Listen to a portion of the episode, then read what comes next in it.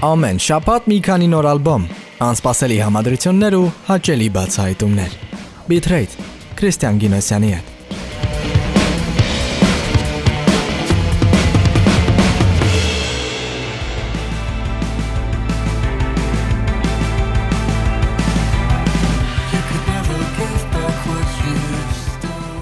Բարի երեկո։ Հուսամ լավ ես պատրաստ բացահայտելու մարտ ամսվա վերջին թողարկումները, որոնցից յուրաքանչյուրը ռոքի տարբեր ենթաժանրերում է։ Կսած Machine Gun Kelly mainstream pop punk-ից մինչև iconic Placey Boy noir rock ու The Ninth Wave-ի indie էլեկտրոնային ռիթմեր։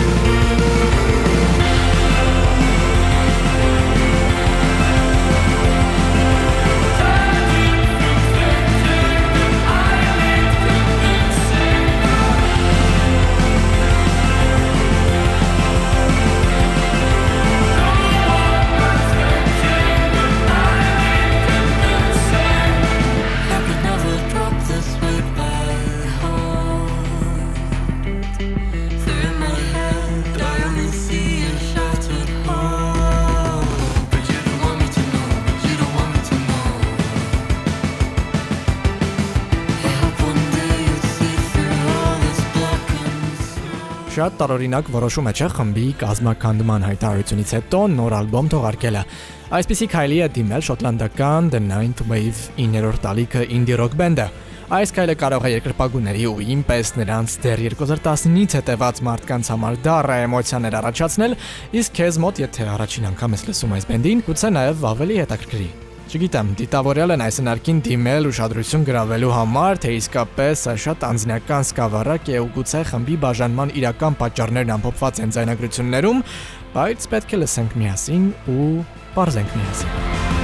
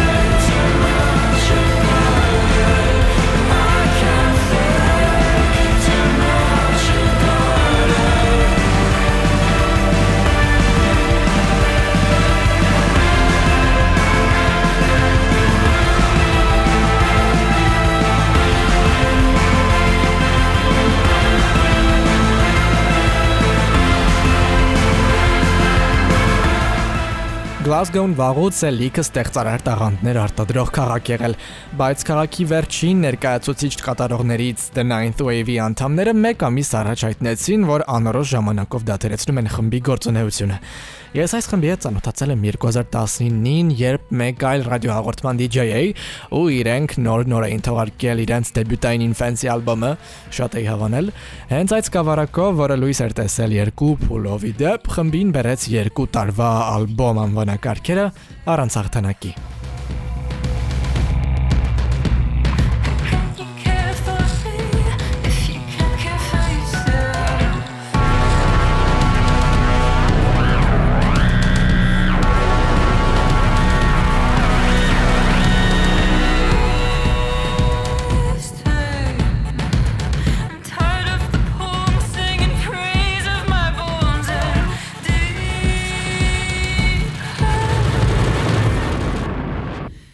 2020-ին լույս տեսավ Ninth Wave-ի Happy Days mini ալբոմը, որում The Horrors խմբի Ferris Bodwin-ը սինթեզատորներով գերակշռող այս խմբին ուղեց դեպի ավելի մռայլ անկյուններ, որում էլ նրանք մինչև օրս մնացին։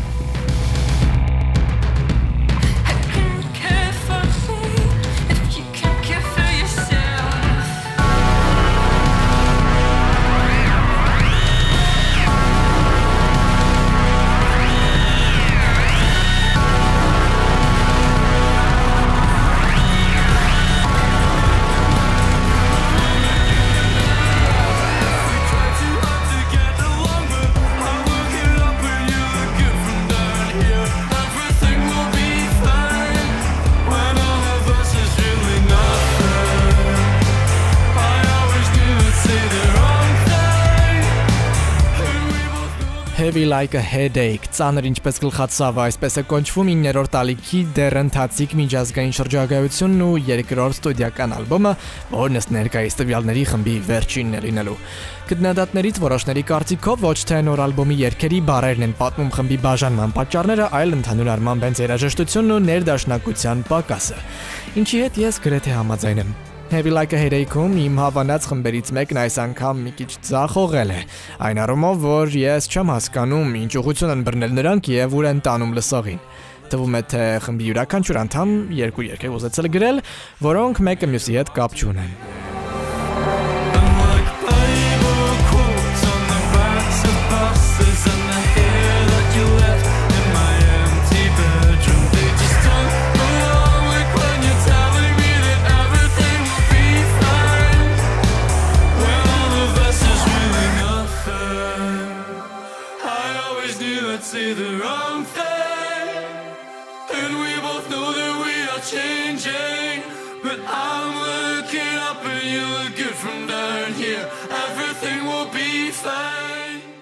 The Ninth Wave խումբը երկու վոկալիստ ունի՝ Hayden Park Peterson-ն ու Millie Kidd-ը, իսկ սինթեզատորները պատկանում են Kyalo Mirnbulu-ին, հարվածայիններն էլ Callum Stewart-ին։ Խմբի կազմը բազմիցս փոխվել է, սակայն ներկայիս լայնապն ապացուցել է, որ լավագույնն է։ Երկրորդ վոկալիստ Միլին բենդին միացել է 2018-ին ու փոխել ամեն ինչ ստեղծելով շատ գեղեցիկ հարմոնիաներ Հայդենի հետ։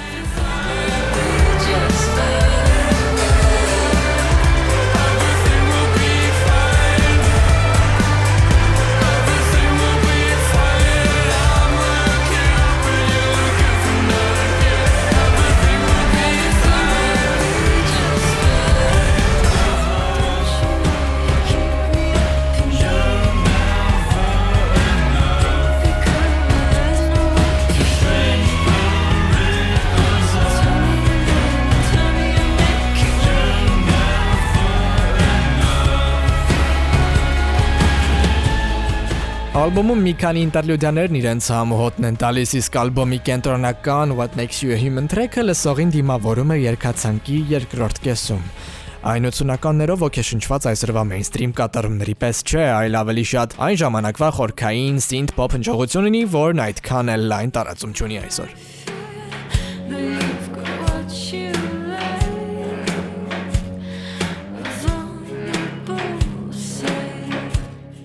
Makes You a Man երգը գլխավորապես կատարում է Millie Kidd-ը։ Այն լավագույնս ցույց է տալիս խմբի մեծ աճը, որտեղ երաժիշտներն ավելի շատ են նայում դեպի իրենց էության ներսն ու բացահայտում համաձայնության, թույլտվության խնդիրները։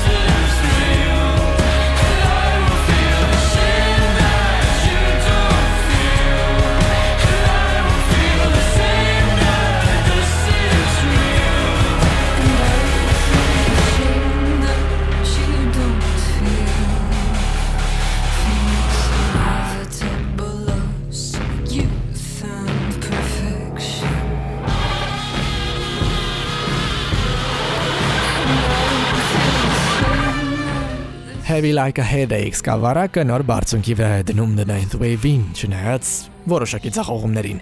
Լիրիկական առումով այն խմբի ամենաուժեղ ալբոմն է։ Անդամները երբեք այսքան անկեղծ ու բաց չեն եղել։ Heavy Like a Headache ալբոմում միաձուլված են քաջությունն ու խոցելիությունը։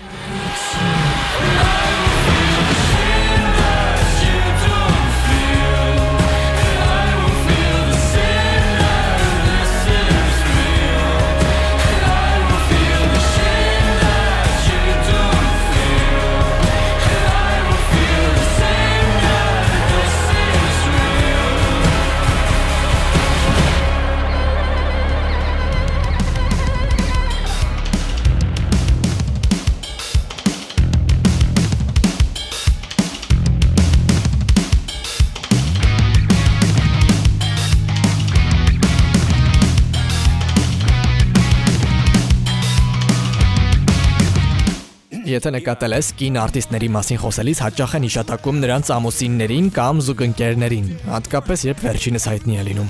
Դրա համար ես հակառակը կանիմ, քանի որ կարծում եմ շատերը չեն իմանա ով է Machine Gun Kelly-ն։ Կարճ ասած Megan Fox-ի ամուսինը։ Մեգանին էլ հաստատ գիտես, ինչև է, թողարկումը բացասական տրամադրությամբ չսկսեմ, լսում ենք MGK-ի նոր mainstream sellout ալբոմը։ There's no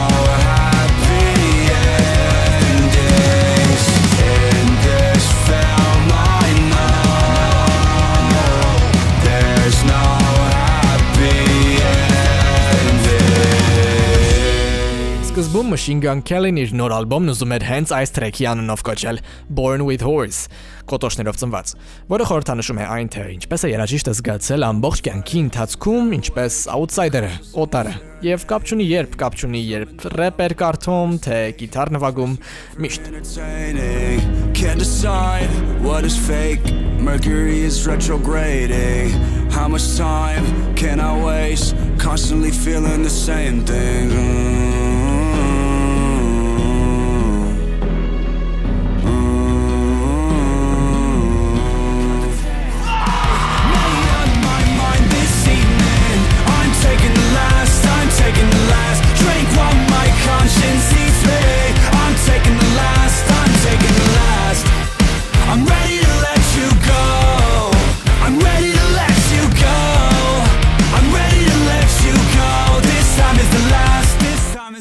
Չնայած նախորդ երգը չդարձավ ալբոմի անունը, բայց մնաց այն բացող տրեքը։ Այն տիպիկ 2000-ականների pop-punk կատարում է, որը պատված է գոռոցներով ու ծամոնի պես կպչող ու հիշվող կրկներքերով։ Looking for somebody that I know I can replace. My tears for you, don't miss me. Put me out my misery. Think my heart is history. I think I'm broken, nothing can fix me.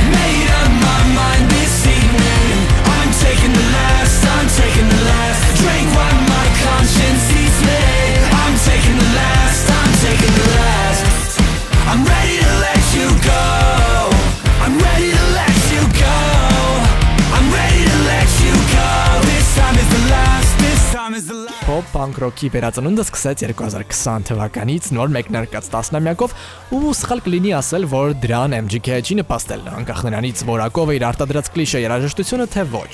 Հենց այդ տարի է լույս տեսավ նրա 5-րդ ստուդիական Tickets to My Downfall ալբոմը, որտեղ առաջին անգամ համագործակցեց ժանրի հայրերից Travis Barker-ի հետ։ Բարկերը նաև mainstream sellout-ի պրոդյուսերներից է։ Joey Depp, Machine Gun Kelly nu Travis Barker, nu intați v-ați. Born with Horns, scrivați. I'm ready to let you go I'm ready to let you go I'm ready to let you go This time is the last, this time is the last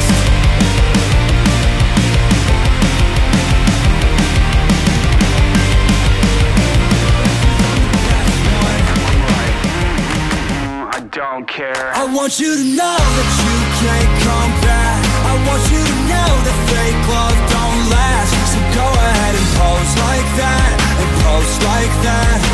I, I wanna, I, I. Չգիտեմ կհիշես թե չէ, բայց որպես рэփեր իր կարիերան սկսած MGK-ի մասին ինչ որ պարանոիկ մարդիկ ասում էին եկել է Eminem-ի գահը զբաղեցնելու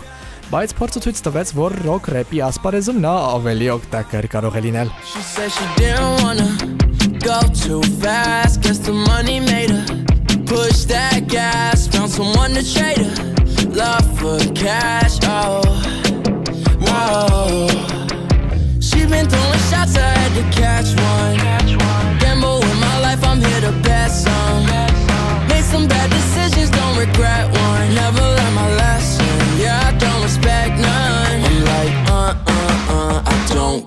Mainstream sellout-ն արդյունքում ստացվել է չափազանց mainstream ժողովածու, ինչպես հուշում է անունը, որտեղ ակնհայտ երևում են MGK-ի рэպերային հմտություններն ու նախասիրությունները։ Ալբոմում կան բազմաթիվ դուետներ Blackberry, Willowy, Ghana-ի, Young Thug-ի ու Lil Wayne-ի հետ։ I want you to know the fake love don't last. So go ahead and pose like that. And pose like that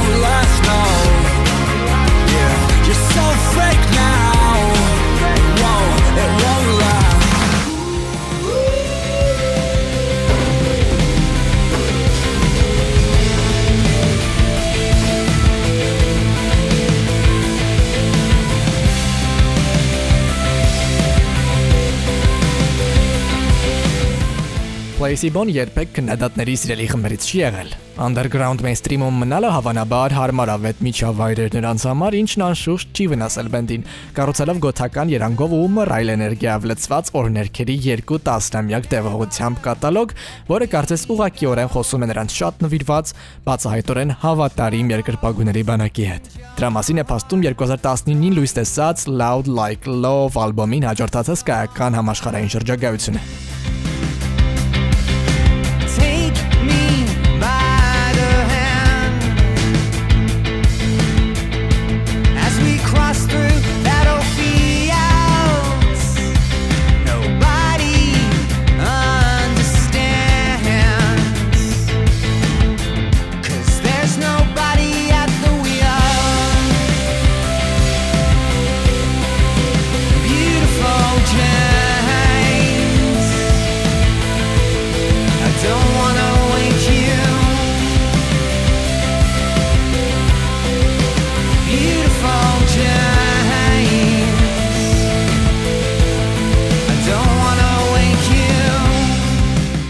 մասամբ կոնցեպտուալիզացված, գրված եւ Լոնդոնում ձայնագրված Let Me Go ալբոմը, որն այսօր լսում ենք եւ վերադարձ է իրենց արմատներին եւ փորձ քանդելու դրանք։ Տեղ-տեղ դա անցալվում է որպես երկրպագուների սպասարկման կարևոր գործողություն՝ fan service, իսկ երբեմն էլ անցյալի միտումնավոր հեռացում։ Ալբոմն ասես երկկողմանի հակասական փորձառություն լինի, որը հերթական անգամ ապացուցում է, որ բրիտանական ռոքի ամենաձախական խմբերից մեկը չի դադարում իր բուրն աշխատանքը։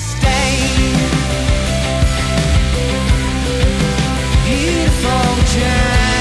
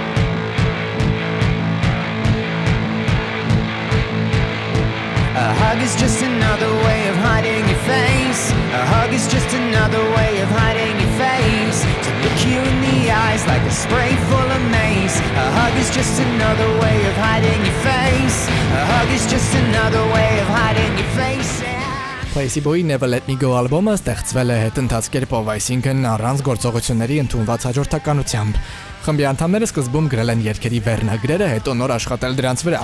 ավելացնելով փսիխոդելիկ ու մի տեսակ այլ մոլորակայինային տարր։ Ալբոմում կարելի է հանդիպել ինչպես մինչ այս երգը հնչած Beautiful James-ի պես tech pop ռիթմիկ կատարումներ, այնպես էլ ավելի իմաստային առումով խորքերը գնացող ներդաշնակ կատարումներ, որոնք հատկապես հնչում են երգացանկի վերջում another way of telling the truth. A joke is just another way of telling the truth. Հատկապես վերջիններն ասես հիշեցնեն, թե ինչու են The Cure խումբն ու David Bowie-ին 90-ականներին եղբայրորեն այդքան աջակցել Placebo-ին։ Don't wanna Yeah.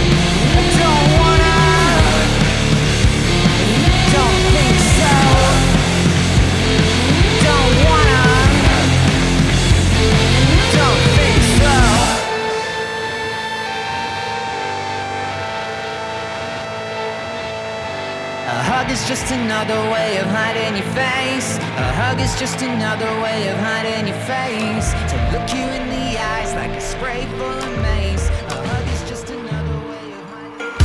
I am surrounded by spies. I am.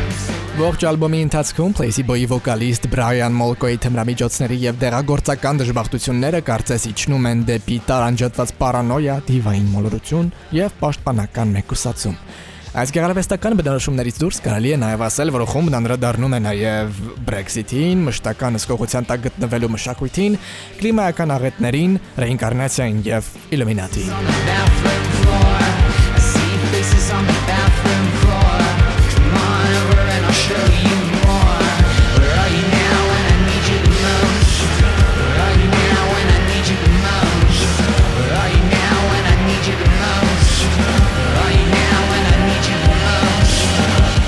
Ալբոմի 13 տրեքերի վրա հավասարապես մի փոքր ծանրություն կա, որը երբեմն նաև թուլանում է։ Երբեմն Never Let Me Go-ն կարող է նաև մի քիչ ներողամիտ թվալ, զուրկ որոշակի հստակությունից ու կտրուկությունից։ Ասել է թե Never Let Me Go-ն իջեցնում է թե որքան հուզիչ եւ իսկապես արբեցնող կարող է լինել Placebo-ն։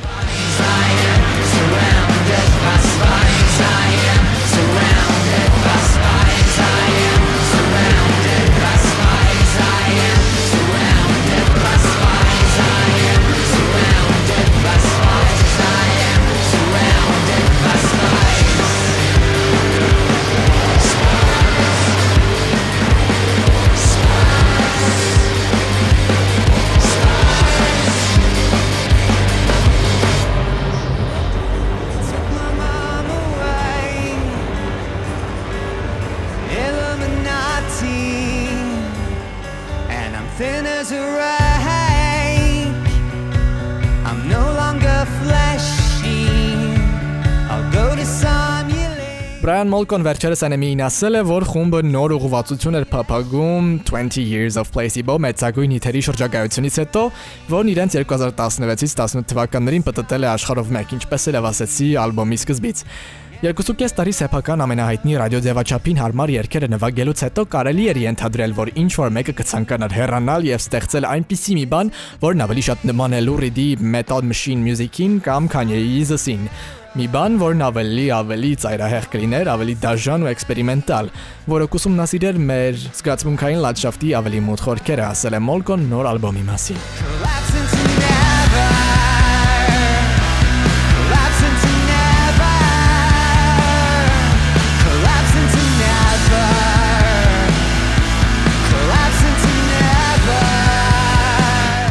Never Let Me Go բրիտանական այկոնների 8-րդ ստուդիական ալբոմն է առաջինը մոտ 1 տասնամյակի ընթացքում։ Սկավառակը պահպանում է Placebo-ի դնթիում ամփոփված rock noir-ը դառնալով հերթական երկար սպասված long play-ն անցյալից։ Collapse